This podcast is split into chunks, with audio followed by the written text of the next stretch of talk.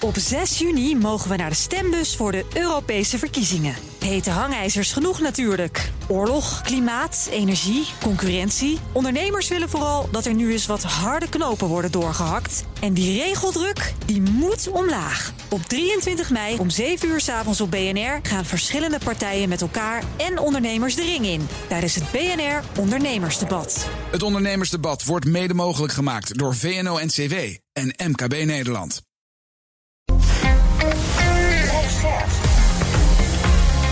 BNR Nieuwsradio. BNR breekt. Ivan Verrips. Goedemorgen en welkom bij BNR Breekt. Vanaf half twaalf gaan we praten over het nieuws van de dag. Over de speech van Vladimir Poetin, over de Russische gedeeltelijke mobilisatie. En we hebben het over de bankrekening van Jaap van Dissel. In mijn panel vandaag Sophie Koppian, interim-voorzitter van het CDJA. Goedemorgen. Goedemorgen. Dat je er bent. En Jelmer Becker, voorzitter van Job MBO. Goedemorgen. Goedemorgen. Goed dat je er bent. We gaan beginnen met... BNR breekt. Breekijzer. Het heeft allemaal te maken met de algemene politieke beschouwingen. Die zijn uh, nu bezig. Net begonnen, uurtje onderweg ongeveer. Ik zie dat er al uh, weer druk gediscussieerd wordt... bij onze politiek verslaggever Sophie van Leeuwen. Op Twitter, oh, die schrijft op Twitter dat uh, Wilders het heeft over tirannen in vaka... en dat Paternotte Wilders de poedel van Poetin heeft genoemd. Zij noemt het een lekkere start van een interessant aantal dagen debat. Um, gisteren dus Prinsjesdag, regeringsbeleid voor het komende jaar uit de doeken gedaan. Veel wisten we al, sommige dingen nog niet. Oppositie zal vandaag natuurlijk vooral schieten op die koopkrachtplannen. Maar een ander heet hangijzer, de BV Nederland. Wordt daar genoeg voor gedaan? Of lijden zij vooral pijn? En hoe terecht is dat eigenlijk in het kader van de herverdeling? Ons breekijzer. Ondernemers komen er in de Prinsjesdagplannen bekaaid van af.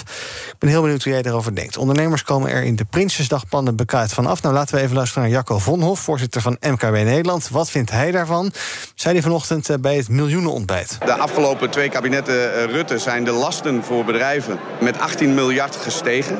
Dat doet men onder, vanuit het idee dat ongeveer elke ondernemer miljonair is. Hè. Dat gevoel krijg ik wel eens. Terwijl ik hier natuurlijk voor een zaal sta... en ik natuurlijk normaal gesproken ook sta voor nou ja, pak een beetje 350.000 uh, MKB-ondernemers uh, die uh, mensen in dienst hebben. En ik kan je vertellen dat het grootste gedeelte daarvan gewoon heel hard werkt... voor een heel fatsoenlijk salaris. Maar daar klotsen de winsten niet tegen de plinten op. Nee, zij zijn zorgen terecht. Want hij is natuurlijk ja, een lobbyist van het bedrijfsleven. Moet de overheid inderdaad meer doen om de ondernemers... het kloppende hart van de economie te ontzien? Of moeten ondernemers niet verwachtingsvol naar Den Haag kijken... maar gewoon lekker gaan ondernemen. Ons breekijzer, ondernemers komen er in de Prinsjesdagplannen bekaaid vanaf. 020 468 4 keer 0 als je wil reageren. 020 468 4 keer 0 dan kom je zo meteen bij ons in de uitzending. Je kan ook van je laten horen via Instagram. daar heten we BNR Nieuwsradio. Zoek ons even op, kan je daar stemmen. Uh, maar het leukste is bellen. 020 468 4 keer 0 Zometeen hoor je um, van mijn panelleden hoe ze erover denken. Maar ik begin bij Wener Liebrecht. Hij is universitair docent ondernemerschap aan de Geronimus Academy of Data Science. Dat is onderdeel van de Tilburg University. Ook betrokken bij de Dutch Academy of Research in Entrepreneurship. Goedemorgen, Werner. Goedemorgen. Ja, voordat we zo meteen de diepte induiken en uh, alles een beetje gaan uitpluizen. Eerst maar even hoog over. Jouw mening over ons breekijzer. Ondernemers komen er in de Prinsjesdagplannen bekaaid vanaf. Ja, daar heb ik uiteraard even over nagedacht. En uh, ja, u spreekt met een wetenschapper, mm -hmm. dus u krijgt een heel genuanceerd antwoord. Heel graag. Uh, deels mee eens, deels oneens. Um, wat er onder andere in zit, is een uh, pakket van ja, zo'n 500 miljoen euro, op termijn zelfs 600 miljoen euro per jaar structureel ja, om de lasten voor ondernemers te verlagen. Uh, dus in die zin komen ze absoluut niet uh, bekaaid vanaf. Hm. Het is natuurlijk wel wachten op maatregelen om de energie-intensieve MKB-bedrijven te ondersteunen. Um, ja, en dat zit er nog niet in. Nee, uh, dat moet nog gaan komen. Dat gaat wel ergens in de komende maanden een keer komen. Vind je dat raar dat dat zo lang duurt? Dat we voor huishoudens nu wel wat duidelijkheid hebben als het gaat om energiecompensatie. En dat dat voor uh, bedrijven wat langer duurt? Um, ja, kijk, de energiecompensatie voor particulieren is natuurlijk ook pas ja, last minute in allerijl uh, in elkaar gedraaid. Dat had eventueel voor ondernemers ook gekund. Hm. Maar dat ligt toch wat complexer. Dus het, het er gaat simpelweg veel tijd in zitten om dat uitvoerbaar te maken. En uh, ik denk dat uh, de ondernemers en ook de ondernemersorganisaties uh, ja, blij mogen zijn met dat het is aangekondigd. Mm. Dat er achter de schermen hard gewerkt wordt aan het ja, pakket. Dat ze misschien eventjes een paar weken moeten wachten. Oké, okay, we gaan zo meteen het onderwerp wat verder uit elkaar trekken. eerst even naar mijn panelleden. Sophie, wat vind jij? Ondernemers komen er in de Prinsjesdagplannen bekaaid vanaf? Ja, daar ben ik het inderdaad ook wel mee eens. Um, ik denk dat er echt meer mag uh, gedaan worden voor vooral de energie-intensieve NKB, wat net werd genoemd. Um, dus dat zijn de bakkers en de. de ja, de zwembad-eigenaren, ja, de kastelers. Ja, voor hen uh, mag er echt wel wat meer uh, steun komen. Maar er komt inderdaad, is beloofd, een pakket aan. En ik hoop dat dat voor hen een gunstig pakket is. Maar ook dat er vooral investeringen worden gedaan. waar mensen meer op duurzame vormen van energie. bijvoorbeeld bij bakkers, elektrische ovens. over over kunnen gaan. Zodat ze ook op lange termijn zelfredzaam zijn. Dat niet elke keer de overheid hoeft in te grijpen wanneer ze zeg maar. Want de gasprijs zal wel even hoog blijven. Dus vooral ervoor zorgen dat ze daarin ook zelfstandig um, zichzelf kunnen redden. Ja, maar nou ook aan jou de vraag. Uh, Prinsjesdag is de dag waarop je beleid voor 2023 bekend maakt. Dat is toch niet in november? Dat is toch gisteren? Ja, dat is toch raar dat dat niet gisteren kwam? Ja, nee, dat klopt. Het heeft allemaal zo, zo lang geduurd. Ja. Dat klopt. De Raad van State ja. heeft er ook kritiek op dat alles met stoom en kokend water uh, van, uh, tot stand gekomen is. Beetje raar dus. Ja. Jammer, we hebben het zo meteen ongetwijfeld nog even over het MBO. Maar eerst eventjes dit onderwerp. ondernemers komen er in de Prinsjesdagplannen bekijkt vanaf. Ja, ik vind het vooral belangrijk dat bedrijven perspectief krijgen. Je, uh, vooral met de stijgende prijzen, uh, ook de, uh, ik ben het met uh, Sophie eens, de bedrijven die veel energie nodig hebben, is er weinig perspectief. De bakker die, een laatste artikel gelezen, dat hij 60.000 euro meer aan gas moet betalen. Mm-hmm. Nou ja, dat is, dat is niet, dat, dat kan niet voor een bedrijf. Dus in die zin ben ik het wel echt wel eens met Sophie. Um, geef ze perspectief. Geef subsidie voor verduurzaming van materieel. Um, helpt de ondernemer en wacht niet uh, ik vind Prinsjesdag uh, vind ik ook zo'n moment waarbij uh, alles wordt op tafel gelegd. Maar waarom wachten op Prinsjesdag? Waarom wachten tot november? Je kan ook gewoon nu actie ondernemen. Als je ja. kijkt naar de landen om je heen, kunnen zij dat ook. Waarom Nederland niet? Ja. Oké, okay, Werner, laten we even kijken naar wat er nou in de troonrede bijvoorbeeld is gezegd over ondernemers Nederland. Nederlandse ondernemers en hun personeel hebben tijdens de coronacrisis veerkracht getoond. Het is een hard gelach dat zoveel bedrijven nu opnieuw met grote problemen te maken krijgen vanwege enorme kostenstijgingen. Zeker in het midden- en kleinbedrijf, dat zo belangrijk is voor ons land, hebben veel ondernemers het moeilijk. Versterking van het MKB-ondernemersklimaat is nodig. Bijvoorbeeld door te zorgen voor een betere toegang tot financiering en ondersteuning bij verduurzaming. Het kabinet blijft ook verder investeren in het toekomstige verdienvermogen van ons land. Belangrijk zijn een aantrekkelijk vestigingsklimaat, ruimte voor topsectoren en innovatieve start-ups en het benutten van alle kansen die digitalisering biedt. Ja, uh, dus toch wel iets over ondernemend Nederland in de troonrede. Jij zegt net, er zit ook een heel erg, toch wel een pakket in met allerlei uh, lastenverlichtingen. Maar als ik kijk, dan zie je ook, nou ja, het minimumloon gaat omhoog met 10%. Reiskostenvergoeding gaat omhoog. Daar zitten ondernemers ook met allerlei vragen. Welke gevolgen heeft dat voor mij? Het VPB-tarief stijgt, het lage VPB-tarief, vennootschapsbelasting. DGA's gaan meer belasting betalen. Dus ja, het, het, het sentiment van we gaan huishoudens helpen en dat gaan we halen bij vermogenden en bedrijven, dat klopt toch wel een beetje, Werner? Ja, ik begrijp het sentiment ten dele. Um, maar ik denk, ik denk dat er ja, van alles wat in zit. Dus enerzijds, uh, wat je zegt, zitten er wat lastenverzwaringen in. Uh, maar er zitten ook lastenverlagingen in. Mm. En ook die heel gericht uh, inzetten op uh, bijvoorbeeld mogelijkheden voor verdere verduurzaming of minder energieverbruik. ja, dus het is wel duidelijk waarop het kabinet wil sturen. Ja, laten we eens naar onze bellers gaan. Kijken hoe zij erover denken. 020 468 4 keer 0 Ons breekijzer. Ondernemers komen in de Prinsjesdagplannen er bekaaid vanaf. Wat vind jij? Uh, even kijken wie er het langst aan de telefoon hangt. Want die krijgt als eerste het woord. Jan, goedemorgen.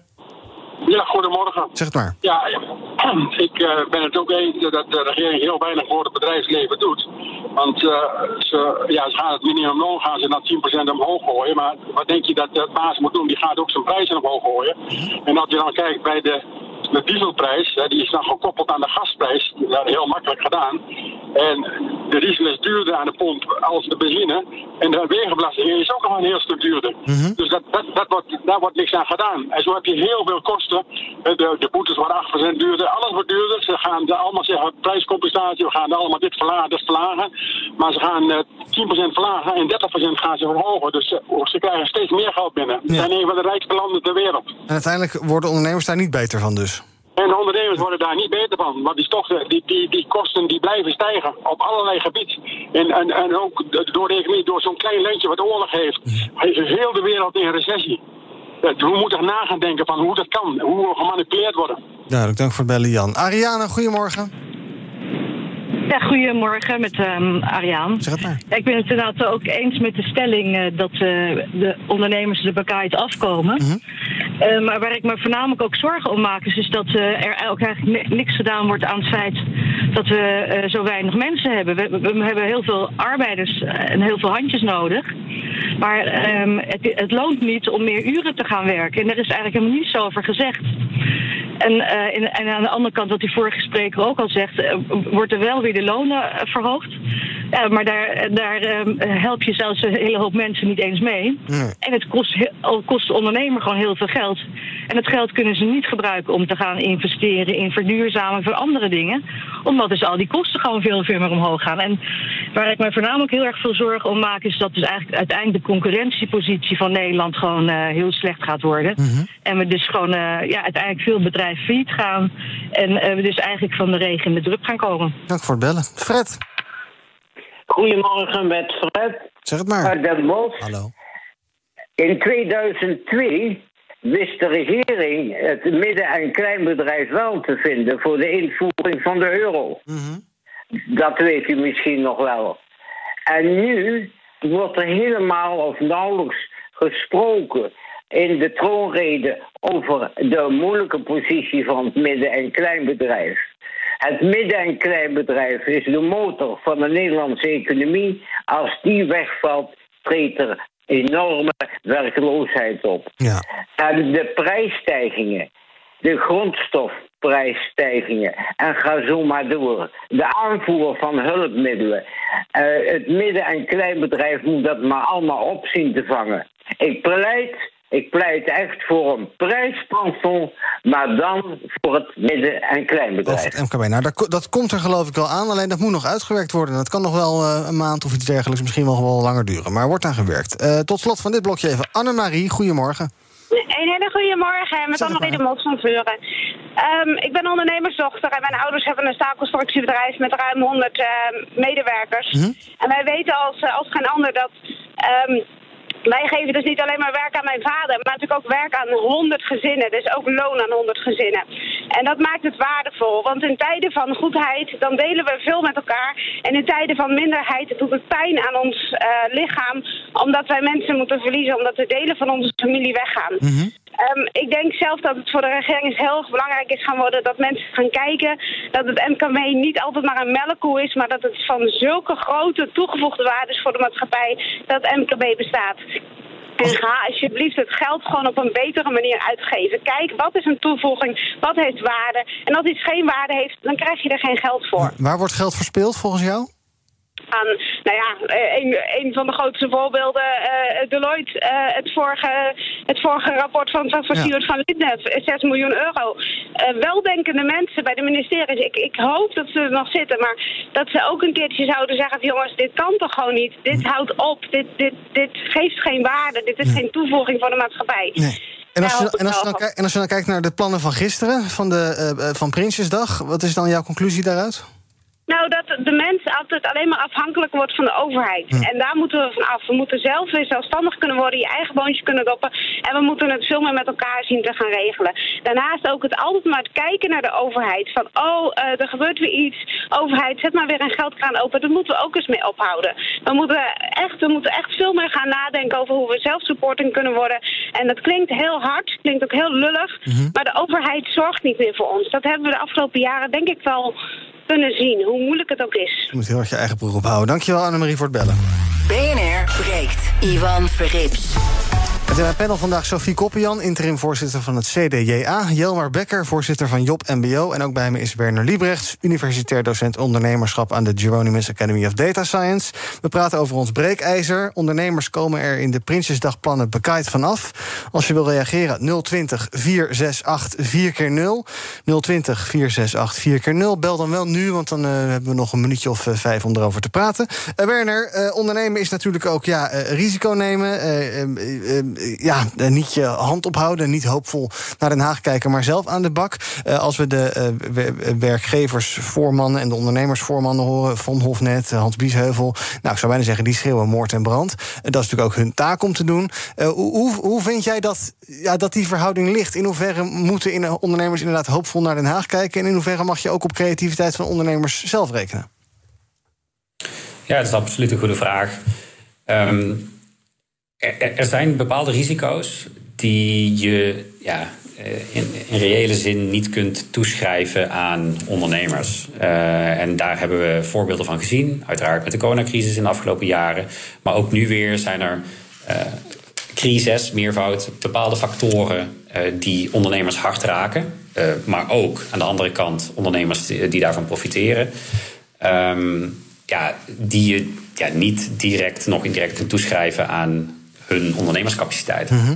Dus uh, je kunt je afvragen in hoeverre uh, ja, dit een ja, echt ondernemersrisico is. Uh, wat je dus ook simpelweg door die ondernemers moet laten, laten dragen. Ja. Uh, en wellicht is er dus reden tot ingrijpen. Ja, ja want we hoorden net ook Von Hof zeggen, die zei... Uh, soms leeft wel eens het beeld van die ondernemers zijn allemaal miljonairs. En dan zijn er in deze tijd natuurlijk ook bedrijven... die gruwelijk veel geld verdienen door die hoge energieprijzen. Denk aan de Shells en de Exxons van deze wereld. Maar uh, denk je inderdaad dat dat, dat dat beeld bestaat in de samenleving... dat ondernemers ja, allemaal mensen zijn die er lekker warmpjes bij zitten... die hebben geld zat en die klagen alleen maar over Den Haag? Nee, dat geloof ik niet. Ik, uh, ik zelf uh, zeg altijd: de ondernemer bestaat niet. Dat is een enorm heterogene groep. Uh, dus groot, klein, diverse sectoren. Ehm, ja, en wat ik al zei, de ene wordt wel geraakt door de crisis, de ander niet. sterker nog, profiteert er stevig van. u noemde net een aantal voorbeelden. Um, ja, dus ik, ik denk dat het absoluut niet terecht is dat uh, het beeld bestaat dat alle ondernemers er warmpjes bij zitten. Maar ik geloof ook niet dat dat uh, idee breed leeft in de samenleving. Timo, goedemorgen. Uh, ja, goedemorgen Ivan. Nou, het ligt er een beetje aan of de bedrijven als sectoren in de problemen komen. Dus dat binnen sectoren de concurrentie eigenlijk weg zou vallen, waardoor er monopolies ontstaan. Of dat bedrijven als sector als geheel niet meer aan de vraag kunnen voldoen, of het aanbod een klap krijgt. Maar ik kan dat eigenlijk moeilijk beoordelen, dus ik vroeg uh, of meneer uh, hoogleraar ondernemerschap daar iets over kon zeggen. Ja. Nou, kom uh, excuus, kunt u uw vraag nog een keer herhalen? Ja, eh, of eh, de concurrentie binnen de sectoren in de, de problemen komen omdat te veel bedrijven wegvallen en daardoor monopolies ontstaan. Of dat de bedrijven als sector als geheel niet meer aan de vraag kunnen voldoen omdat het aanbod een te grote klap krijgt als sommige bedrijven wegvallen. Ja, absoluut. Dus het is heel, heel erg van belang om de concurrentie binnen sectoren zo, zo hoog mogelijk eh, te houden. En dat is ook precies de balanceeract waar het kabinet natuurlijk mee te maken heeft. Uh, moet ik ingrijpen, ja of nee? Uh, en, en dat is waar ik zojuist uh, op hintte.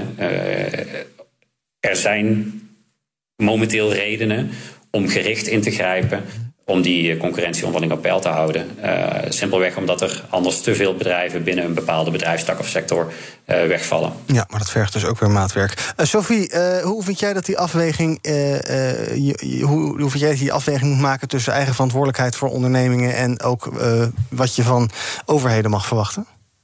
Um nou ja, ik denk dat uh, de afweging moet zijn dat de overheid uh, wel moet steunen, maar dat uh, het MKB, of het bedrijfsleven, uiteindelijk ook het zelf moet kunnen doen. Mhm. Want wat je nu ook ziet bij Prinsjesdag, er wordt heel veel gecompenseerd, maar ik zie weinig dat er weinig wordt geïnvesteerd.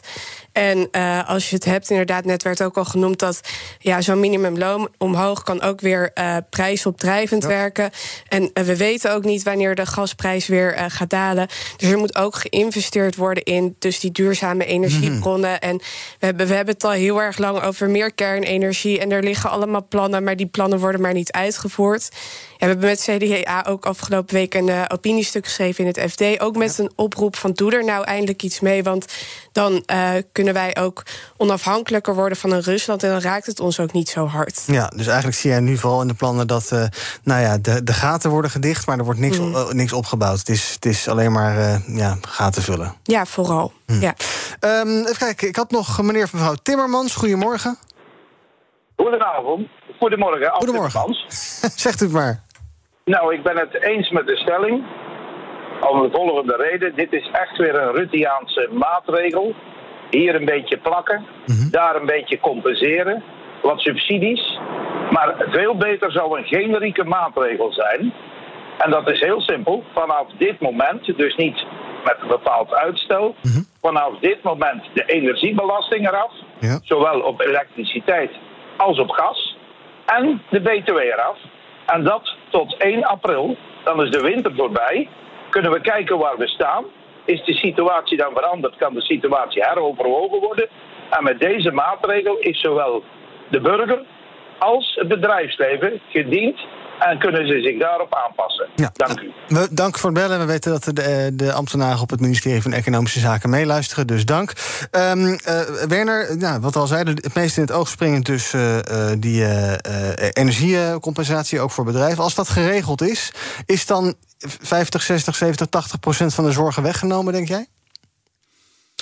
Ik, zou graag eerst even willen reageren op de zogenaamde loonprijsspiraal, mhm. die een paar keer uh, is genoemd. Uh, dat ligt uiteraard op de loer, maar laten we ook niet vergeten dat uh, de verhoging van het minimumloon en andere maatregelen ook bedoeld zijn, primair om de koopkracht, ja, misschien niet volledig te repareren, maar in elk geval de daling daarvan te verzachten. Mm Um, wat uiteindelijk ook weer positief kan uitpakken voor uh, ja, de kleinste ondernemers mm -hmm. tot, het, tot het middenbedrijf. Dus uh, dat wilde ik graag even zeggen. Oké. Okay. Um, ja, dan terug uh, op maatregelen die eraan zitten te komen voor energie-intensieve MKB-bedrijven. ik denk inderdaad wel dat dat ja, vol op de radar staat van die bedrijven die het betreft. Dus dat is echt wat, wat maakt dat ze nu de eindjes aan elkaar moeten knopen. Heel erg afhankelijk van de uitwerking van die maatregelen natuurlijk.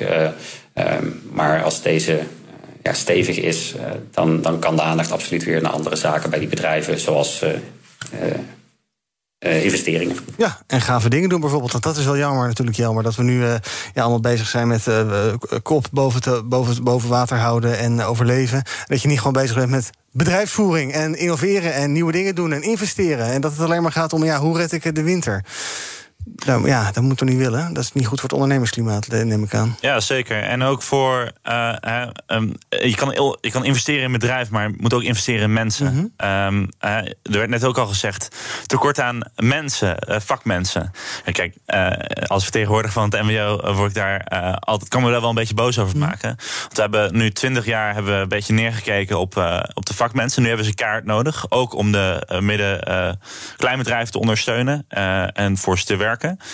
Ehm, en die heb je nu kaart nodig om die duurzame transitie te maken. Om die uh, bedrijven perspectief te krijgen, uh, geven. Um, dus ik, ik vind dat niet altijd. Uh, uh, je hebt veel bedrijven die hebben het lastig, dat klopt. Maar je hebt ook bedrijven die kunnen juist helpen om deze transitie te maken. Maar die kunnen dat niet omdat er te weinig arbe uh, arbeiders zijn. Arbeiders zijn ontzettend belangrijk. En als je daar niet genoeg aandacht voor geeft, dan ga je dit probleem altijd krijgen ja. bij elke crisis. En dat zien we natuurlijk nu ook al bedrijven waarbij het stokt, omdat er gewoon niet genoeg mensen zijn. Oké, okay, dank in ieder geval aan Werner Liebrechts, universitair docent ondernemerschap aan de Geronimus Academy of Data Science. Onze kijkijzer op Instagram uh, is uh, uh, hetzelfde als in de uitzending uiteraard. Ondernemers komen er in de Prinsjesdagplannen bekijkt vanaf. 85% is het daarmee eens. Je kan daar nog de hele dag van je laten horen. En ik ben heel benieuwd uh, wat partijen nog in de APB voor elkaar gaan krijgen. Denk jij dat er nog een beetje, Sophie, kan worden gesleuteld hier en daar? Je zou denken, VVD is, is zo'n klassieke ondernemerspartij. Nou, die wil dat misschien wel. Ja, 21 heeft hier veel aandacht voor. Denk je dat er nog wat getweakt kan worden links en rechts? ja, dat denk ik wel. Ik uh, hoop ook vooral dat ze gaan luisteren ook naar de oppositiepartijen. Die zullen ongetwijfeld wel kritiek hebben en misschien ook wel met goede ideeën komen. En er kunnen natuurlijk nog uh, amendementen worden ingediend op de begroting. Ja, dus ik hoop gewoon dat ze met een open blik nog erin staan. Dat daar inderdaad nog wat aan gedaan kan worden. Um, uh, op Instagram kan je nog de hele dag van je laten horen. Wij gaan zo meteen verder praten na het nieuws over uh, de speech van Vladimir Poetin vanochtend om 8 uur over de Russische gedeeltelijke mobilisatie. Sommige westelijke leiders maken zich daar zorgen om, anderen denken, joh, het lopen wel los. En we hebben het over de bankrekening van Jaap van Dissel en geld dat daar al dan niet opgestort zou zijn. Het RIVM zegt nu tegen twee podcastmakers: nu moeten jullie gaan rectificeren. Hebben we het allemaal zo meteen over in het tweede deel van BNR Breek. Tot zo. Op 6 juni mogen we naar de stembus voor de Europese verkiezingen. Hete hangijzers genoeg natuurlijk. Oorlog, klimaat, energie, concurrentie. Ondernemers willen vooral dat er nu eens wat harde knopen worden doorgehakt. En die regeldruk, die moet omlaag. Op 23 mei om 7 uur s avonds op BNR gaan verschillende partijen met elkaar en ondernemers de ring in. Tijdens het BNR Ondernemersdebat. Het Ondernemersdebat wordt mede mogelijk gemaakt door VNO-NCW en MKB Nederland. 1 juni opent Landal Greenparks vakantiepark de Strabrechtse Venne in Zomeren haar deuren. Vakantiewoningen op eigen grond aan of nabij het water met een solide rendement. Benieuwd naar de mogelijkheden? Ga naar investereninbrabant.nl. BNR Nieuwsradio. BNR breekt. Ivan Verrips. Welkom terug bij BNR Breekt. In mijn panel vandaag Sophie Koppenjan, interim-voorzitter van het CDJA... en Jelmar Becker, voorzitter van Job MBO. We gaan praten over het nieuws van de dag. En dat begint in Oekraïne. Vanochtend gaf president Poetin een televisietoespraak um, voor het Russische volk. Dat was voor het eerst sinds de invasie in Oekraïne dat hij dat weer eens deed. In zijn speech kondigde hij een gedeeltelijke mobilisatie aan. Считаю необходимым поддержать предложение Министерства обороны и Генерального штаба о проведении в Российской Федерации частичной мобилизации. Ja, ik spreek geen woord Russisch, ondanks mijn voornaam, maar ik hoorde wel het uh, woord mobilisatie. Vanaf vandaag worden ongeveer 300.000 reservisten opgeroepen. En daarnaast dreigt Poetin ook met het uh, inzetten van een uh, nucleair wapen als het Westen doorgaat met provoceren. Ehm, de reacties die zijn eigenlijk een beetje gemengd wereldwijd. Er zijn allerlei leiders die uiteraard gereageerd hebben. Sommigen die zeggen, ja, die maken zich wel daadwerkelijk zorgen hierom. Rutte bijvoorbeeld in Nederland, die die is niet zo onder de indruk van die uitspraken van Poetin. En zegt, ja, Poetin is een beetje in paniek. Uh, maar het gevaar vanuit Rusland is niet toegenomen. Als jij dit soort uh, dingen hoort, dit soort berichten, Jelmar, wat denk jij dan? Maak je je dan zorgen of denk je, joh, laat die man lekker uh, praten in eh, Moskou? Nou, laat hem maar lekker praten. Ik weet niet in hoeverre 300.000 extra mensen iets gaat doen. Als ik kijk naar. Ik ben geen militair expert natuurlijk. Mm -hmm. Maar als ik kijk naar hoe Rusland de strijd aan is gegaan met Oekraïne. dan is het niet volgens mij geen, geen kwestie van mensen. maar meer van facilitering, wapens, munitie.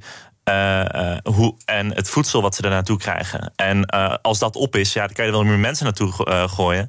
Maar ja, als ze dat niet goed geregeld hebben, dan maakt het niet uit of je nou 300.000 of 2 miljoen mensen stuurt. Dan gaat er helemaal niets gebeuren. Dus mm. in die zin ben ik niet zo bang voor de extra 300.000 mensen. Mm. En dat, dat inzetten van het wapen. Ik zag Rob de Wijk tien minuten geleden twitteren. Die zegt: Ja, Poetin maakt het Westen verantwoordelijk voor de oorlog. Zegt dat het Rusland wil vernietigen. Dat rechtvaardigt de inzet van kernwapens. Een ongekende escalatie met onvoorspelbare gevolgen. Ik vind het toch wel een beetje eng.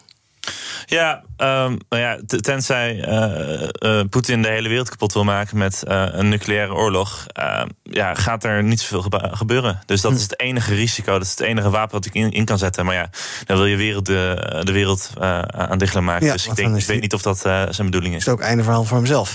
Ja. Um, hoe kijk jij naar Sofie? Baart het je zorgen? Of um, ja, zeg je, denk je ook, laat maar babbelen?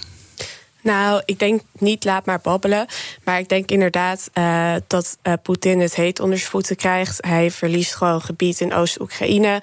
Um, dit zijn, denk ik, paniekmaatregelen. Maar ik denk wel, Poetin is onvoorspelbaar. Dus ik denk wel dat we nou ja, niet te laks moeten zijn met, met wat hij roept. En ehm, ja, ik denk vooral ja, dat wij als Nederland ook onze, onze eigen krijgsmacht moeten, uh, daarin moeten investeren. Mhm. En dat dit allemaal ook een teken mag zijn dat wij uh, op onze veiligheid moeten letten, ook in Europa. Ja, um, dan was er gisteravond ook nog dat bericht over die referenda in die uh, vier gebieden: Donetsk, Luhansk, Kherson en Zaporizhia, waar referenda zullen worden gehouden over ja, de toetreding tot Rusland, zeg ik maar even, van die Oekraïnse regio's. Um, ook heel veel reacties van westerse leiders... die eigenlijk allemaal eensgezind zijn en zeggen... Uh, dit kan niet, uh, die hebben het uiteraard over imperialisme. Luister eventjes voor de, ja, gewoon een beetje inkleuring mee naar Jake Sullivan... de nationaal veiligheidsadviseur van president Joe Biden. Die zegt, ja, zo'n referendum, wij gaan dat nooit erkennen. Russia is rushing to hold these referenda... in response to Ukraine's gains on the battlefield... as well as to prepare for potential mobilization measures. These referenda are an affront to the principles of sovereignty and territorial integrity that underpin the international system and let lie at the heart of the United Nations Charter. We know that these referenda will be manipulated. We know that Russia will use these sham referenda as a basis uh, to purportedly annex these territories either now or in the future. Let me be clear if this does transpire, the United States will never recognize Russia's claims, claims to any purportedly annexed parts of Ukraine. Ja, hoe moet het Westen nou op reageren? Ook op die referenda, Sofie. Als zij zeggen, ja, we willen bij Rusland horen. En dat gaat gebeuren. En dan? Uh, ja, ik denk dat we inderdaad vooral in het Westen die referenda niet moeten erkennen. Uh, want we, we, weten niet of het uh, democratisch die referenda worden gehouden. Waarschijnlijk niet, omdat Rusland daar nu uh, nog zit in die gebieden. nee, dus vooral niet erkennen en um, ja, Rusland daarin niet het, het, mandaat geven, zeg maar. Nee, maar ja, dat heeft Rusland niet nodig, denk ik. Want die zal, die zal denken, ja, wat het Westen wil, moet lekker zelf weten. Maar wij hebben een referendum gehouden. Daar komt uit dat deze regio's bij Rusland willen horen. Nou, dan horen ze vanaf nu bij Rusland. Dan kunnen wij wel zeggen, ah, maar we erkennen het niet. Ja, daarmee verander je de facto nee, ja, niks. Nee, dat klopt. Alles wat wij nu kunnen doen is Oekraïne ondersteunen. En uh, in, van alles wat we kunnen doen, wapens. En um, ja, we moeten daarin uh, gewoon Oekraïne bekken, zeg maar. Ja, en ook opvoeren. Dus dat, dat zie ik ook bij veel leiders die zeggen... we moeten de steun aan Oekraïne opvoeren. Daar ben je het ook mee eens? Ja, daar ben ik het mee eens, ja. Uh, momenteel is de uh, algemene vergadering bij de VN bezig. Um, dan zou je denken, nou, dat is fijn dat je zo'n zo'n instelling hebt. Alleen, ja, daar zit je ook met Rusland. In de Veiligheidsraad ga je niks bereiken. Dus ja, hebben we nog aan dat soort internationale gremia iets... Jammer? Uh, nou, niet, niet aan Rusland zelf, maar wel natuurlijk de andere landen. Um, ja. En die kunnen prima met elkaar samenwerken om dat tegen te gaan.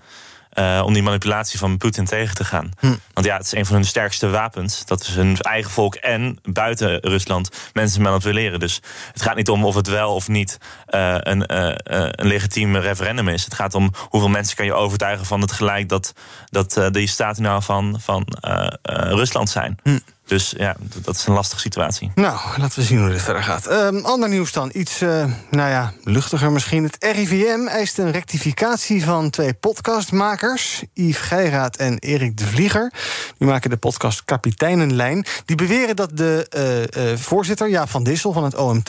in het geheim 750.000 euro zou hebben ontvangen... van de Stichting Open Nederland... die over het afnemen van corona-toegangsbewijzen ging...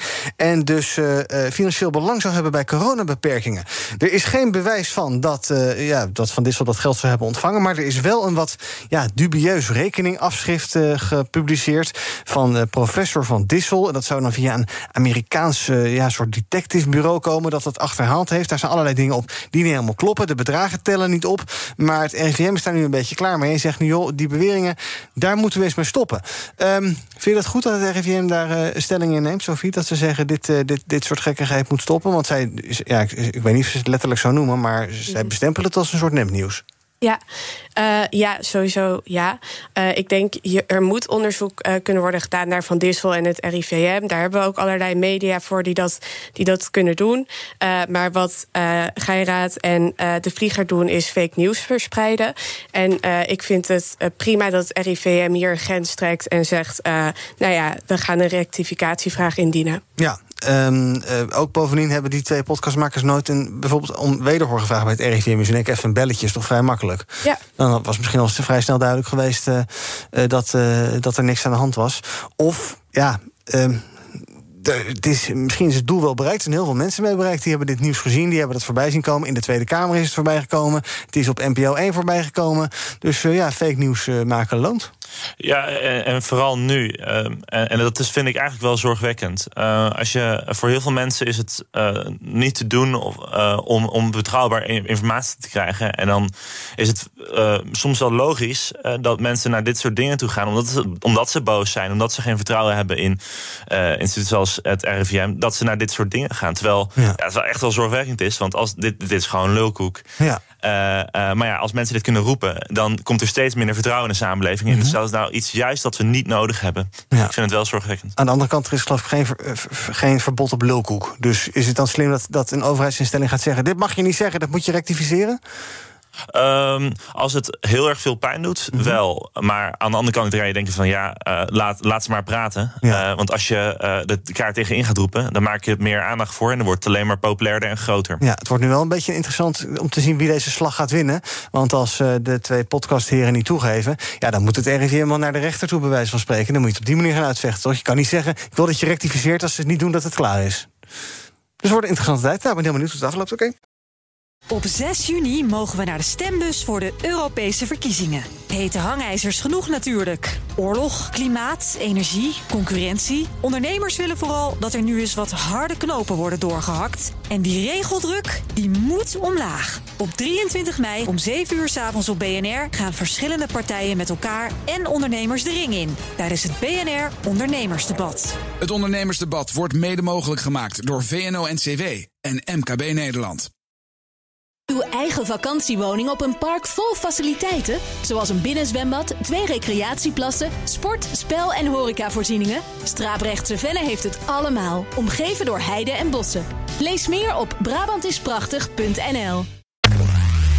BNR breekt. Uh, ik wil even kijken naar uh, wat jullie uh, zelf was opgevallen in het nieuws. Jelmer, jij wil het hebben over slapen. Ja, zeker. Slapen. Vertel, wat is dan dan? Uh, een onderzoeksbureau uh, of een universiteit in Californië... die heeft uh, onderzoek gedaan naar wat voor effect slapen heeft op je humeur... en op hoe vriendelijk mensen zijn naar elkaar. Ja. En ja, surprise. Het blijkt dus dat als je goed slaapt of beter slaapt... dat je vriendelijker bent naar elkaar. En ik vroeg me, ik, ik, dacht van, nou ja, heel tof. Dus eigenlijk om een, st een, stukje onvrede in Nederland op te lossen... misschien allemaal een beetje beter slapen. Mm -hmm. En ik vroeg me ook af, Ivan... Uh, hoe, hoe, zit het met jouw slaap? Uh? Oh ja, hey, fijne vraag. Nou, mijn werkdag begint elke dag om vijf uur. Dus mijn eerste wekker gaat om uh, half vier. en ik ben niet heel erg goed in vroeg slapen. Dus ik slaap een soort gebroken. S S'nachts vier uurtjes en dan overdag nog twee, drie uurtjes erbij. En dan zo kom ik er wel. Ja, en hoe, Vind je mij een aardig persoon? Dat is nou ja, ik, ik binnen het programma heel aardig. Maar ja. merk je dat je soms een beetje onaardig tegen mensen bent? Nee, of wat ik ben wel eens moe, maar niet onaardig, geloof ik. Nee. Oké, okay, nou dan ben je een van Ben je een aardig persoon? Uh, dat, weet, dat weet ik niet. Dat is voor mm -hmm. andere mensen om te beslissen. Maar, ben je een goede slaper? Ik ben wel een goede slaper. Oh, ben je ook aardig Dat ben ik ook aardig. ja. ja, het verschilt natuurlijk voor iedereen. Hè? Maar uh, ik vind het wel uh, heel belangrijk dat je ook goede slaap hebt, uh, ja. Ivan. Nee, dat is goed. Ja. Ik zal mijn best doen. Hoe zit dat bij jou met je slapengedrag, Sophie? Uh, ja, ik kan altijd pas heel laat slapen. En ik hou eigenlijk heel erg van uitslapen. Maar dat is er niet altijd. Eigenlijk is dit heel vroeg wat je dan doet hier bij BNR. Nee, dat uur. Of valt is dat wel mee? Voor mij. Nee, precies. Okay, dus niet te vaak inderdaad. Nee. Zou we, moeten we een soort... Uh, ja, ik denk ook gelijk even toch in de politieke beschouwing... een soort slaapsubsidie komen? Dat je geld krijgt als je kan aantonen dat je veel slaapt. Omdat het uh, goed is. We weten allemaal dat veel slapen voor allerlei zaken goed is. Gezondheid ook en zo.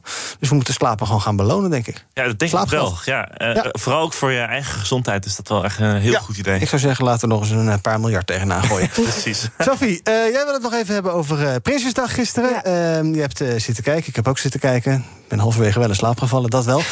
um, even de belangrijkste bijzaak. Ehm, Amalia was er voor het eerst bij. Ja. Um, wat vond je van haar debuut op Prinsjesdag? Nou, ik vond het eigenlijk heel sterk. En het was niet een makkelijke Prinsjesdag. Dat hebben we denk ik allemaal gezien. Dat viel ook op. Ja. En uh, ik vond dat ze het heel goed deed. Ze neemt nu ook deel in de Raad van State. En um, nou ja, ik vind het gewoon heel knap. Het is toch een, een leeftijdsgenootje, generatiegenootje. En ze heeft heel veel voor de kiezen wel. Voor uh, nou ja, iemand van onze leeftijd die ook gewoon student is. En uh, nou ja, ook met die hele mokro-maffia, waar ze ook uh, nou ja, bedreigingen van uh, krijgt.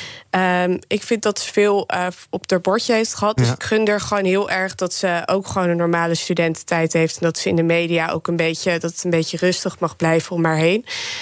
ja, dus dat viel mij wel op. En daar moest ik gisteren ook gewoon even aan denken. Ja, ik vraag me af hoe ze dat doet nu, want ze woont dus niet aan haar appartement aan de Singel in Amsterdam. Maar gaat ze elke dag op en neer? Nou ja, goed, dat weten we dus niet. Uh, ik, ik vond ook wel een beetje dat ze af en toe een zorgelijk hoofd had. Dan ga je voor het eerst daarheen. Ja. En dan staan alle mensen met omgekeerde vlaggen en te fluiten en te boe te roepen. Dan denk je ook van, nou, lekker dan. Ja, nou ja, ik vond juist dat ze nog best wel een relaxte uitstraling mm -hmm. had. Ik. Uh, ja, ik kan me zo voorstellen dat, dat je ook een beetje van je apropos bent als er allemaal mensen boer roepen. Voor het eerst sta je ook op dat balkon.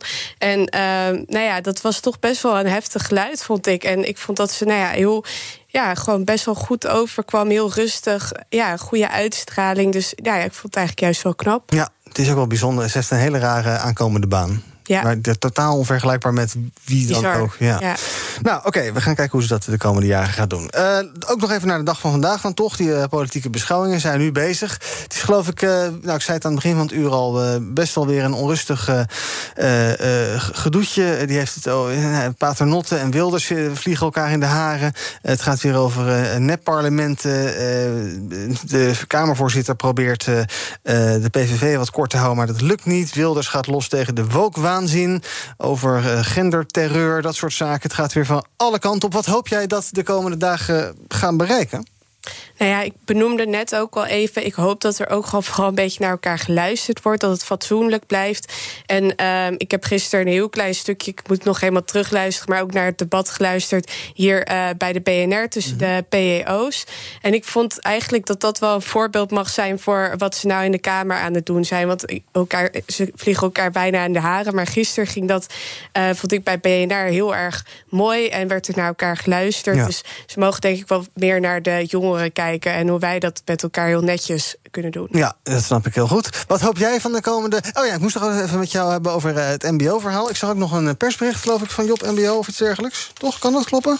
Uh, nou, dat jullie in, iets vinden in, over uh, rente en studieschuld of zo? Uh, nee, over de, over de Instagram. Ba nee, basisbeurs? ik weet niet. Oh, ik dacht iets voorbij te zien komen. Nee, het, over de basisbeurs dat het voor uitwonende mensen omhoog gaat. Maar ja. wij vinden dat het ook voor de thuiswonende studenten boven de 18... Ja. moet er ook iets gebeuren. En dat gebeurt nu niet. Oké. Okay. want daar krijg, uh, als je thuis woont uh, boven de 18, krijgen, geen, krijgen de ouders geen kindertoeslag. Dus dat is Mhm. moeilijk compenseren. Ik las bij het ANP. Het kabinet moet zorgen voor goede communicatie richting studenten over de tijdelijke verhoging van de basisbeurs, zoals aangekondigd op Prinsjesdag. Dat zegt de jongerenorganisatie Beroepsonderwijs. Dat zijn jullie. Ja. ja dus dit verhaal dus. Ja, ja want precies. wat is daar de, het risico? Nou ja, uh, bij de, uh, aan, de, je, hebt een, je hebt twee beurzen. Je hebt, een, ja. uh, je hebt de basisbeurs. En die krijg je als MBO krijg je, krijg je die dus. Maar je krijgt ook nog een extra beurs als je ouders onder volgens mij 35.000 euro bruto verdienen. En die wordt voor de kwart wordt niet, uh, uh, wordt die niet aangevraagd. Mhm. Mm -hmm. En ik maak me wel zorgen uh, als er weer extra een, een verhoging op de beurs komt. Dat dan wel iedereen weet en dat op school ook wordt verteld dat die beurs er is. Want anders loop je heel veel geld mis. Mhm. Mm. En dat zou ik heel jammer vinden. Ja, dus daar moet veel aandacht voor zijn. Precies. Oké, okay. laten we nog even kijken wat er trending is op de socials. Leden van de Staten-Generaal. Ja, natuurlijk alles wat te maken heeft met Prinsjesdag, met de troonrede, met de miljoenennota. Hashtag APB is inmiddels ook trending, is inmiddels bijna twee uur onderweg. Hashtag vakantie is trending. Niet alleen omdat men verlangt naar zon, zee, strand enzovoorts, maar ook vanwege een artikel in de Telegraaf waarin staat dat vakanties eigenlijk niet lijden onder de koopkrachtzorgen. We blijven die massaal boeken. Hashtag Jozef is trending. Dat komt door het nieuws dat een Vlaamse kardinaal, Jozef de Kessel, en de bisschoppen van Vlaanderen homostellen gaat zegenen. En daarmee gaan ze tegen de lijn van het Vaticaan in. En trending zijn hashtag UEFA en hashtag EK 2024. Heeft te maken met de boycott van Rusland op het Europees kampioenschap voetbal. Het land is vanwege de oorlog in Oekraïne uitgesloten van de kwalificatie voor het eindtoernooi, maakte de voetbalbond bekend. Dat voelt natuurlijk vrij logisch, maar ik dacht ook altijd dat sport geen politiek was. Ja. Maar sport is wel politiek dus. En dat is ook goed. Uh, nou, dat weet ik eigenlijk niet. Nee. Ik denk niet dat het per se goed is, nee. Nee. Ja, sport is altijd politiek. Als je kijkt naar de Olympische Spelen, dan, dan gebeuren er ook een heleboel dingen. Of je kijkt naar uh, de, nou, het is niet per se sport, maar ook dat uh, Songfestival. Daar, daar is altijd een politiek spel. Ja. en hier ook weer. En dan kan je, je kan een heleboel vinden van hey, hoeveel gaat het nou doen dat we Rusland buitensluiten? Want dat zorgt ervoor dat je niet samen op één veld staat. Mm Dat is ook weer los van oorlog en en onderlinge uh, gevechten kan je wel laten zien dat je samen kan sporten. Maar aan de andere kant, ja, moeten we Rusland belonen met toch meedoen aan dit soort internationale activiteiten. Terwijl ze zelf gewoon een, een compleet onrealistisch, een idiote oorlog gaan voeren. Ja, een heel apart wereldbeeld hebben. Hoe, hoe ehm, valt dat dan uit voor jou? Um, ik, ik weet niet hoeveel dit gaat doen uh, om, het, uh, om het Russische voetbalteam uit te sluiten. Het, ik denk dat het meer symbolisch is dan dat het echt effectief mensen gaat helpen. Uh, en ja, vooral in de. misschien gaat het, het Russische volk nog meer. kan je het, laat het Russische volk nog meer zien dat er echt wat aan de hand is. Mm. Want nu worden ze gewoon keihard gemanipuleerd door de staatsmedia natuurlijk. Ja. wij klagen dus allemaal over onze portemonnee en dergelijke energieprijzen, maar we bezuinigen niet op vakanties. Is dat herkenbaar voor jou, Sophie? Nee, voor mij niet herkenbaar. Ik vind het ook wel bijzonder, want ik denk als we allemaal we voelen dit allemaal in onze portemonnee. Ja. Dus ik uh, begrijp eigenlijk niet zo goed waarom dat geen invloed heeft op vakanties. Ja, misschien dat we juist wel heel graag een beetje willen ontsnappen aan het dagelijks leven vanwege die ellende hier. En dat we daar dus heel veel geld voor over hebben, blijkbaar. Ja, zou kunnen. Nou, de vakantiebedrijven zijn er blij mee. Alright, dank voor jullie aanwezigheid vandaag. Sophie Koppian, interim voorzitter van het CDJA. En Jelmar Becker van Job MBO. Morgen ben ik er weer met BNR Breekt. Tot die tijd volg je ons via de socials: uh, YouTube, Instagram, Twitter, TikTok zelfs. Kijk maar even waar je ons vindt. Zometeen is Thomas van Zel hier met zijn uitzending. BNR Zaken doen. Tot morgen. Op 6 juni mogen we naar de stembus voor de Europese verkiezingen. Hete hangijzers genoeg natuurlijk. Oorlog, klimaat, energie, concurrentie. Ondernemers willen vooral dat er nu eens wat harde knopen worden doorgehakt. En die regeldruk, die moet omlaag. Op 23 mei om 7 uur s avonds op BNR gaan verschillende partijen met elkaar en ondernemers de ring in. Tijdens het BNR Ondernemersdebat. Het Ondernemersdebat wordt mede mogelijk gemaakt door VNO-NCW en MKB Nederland.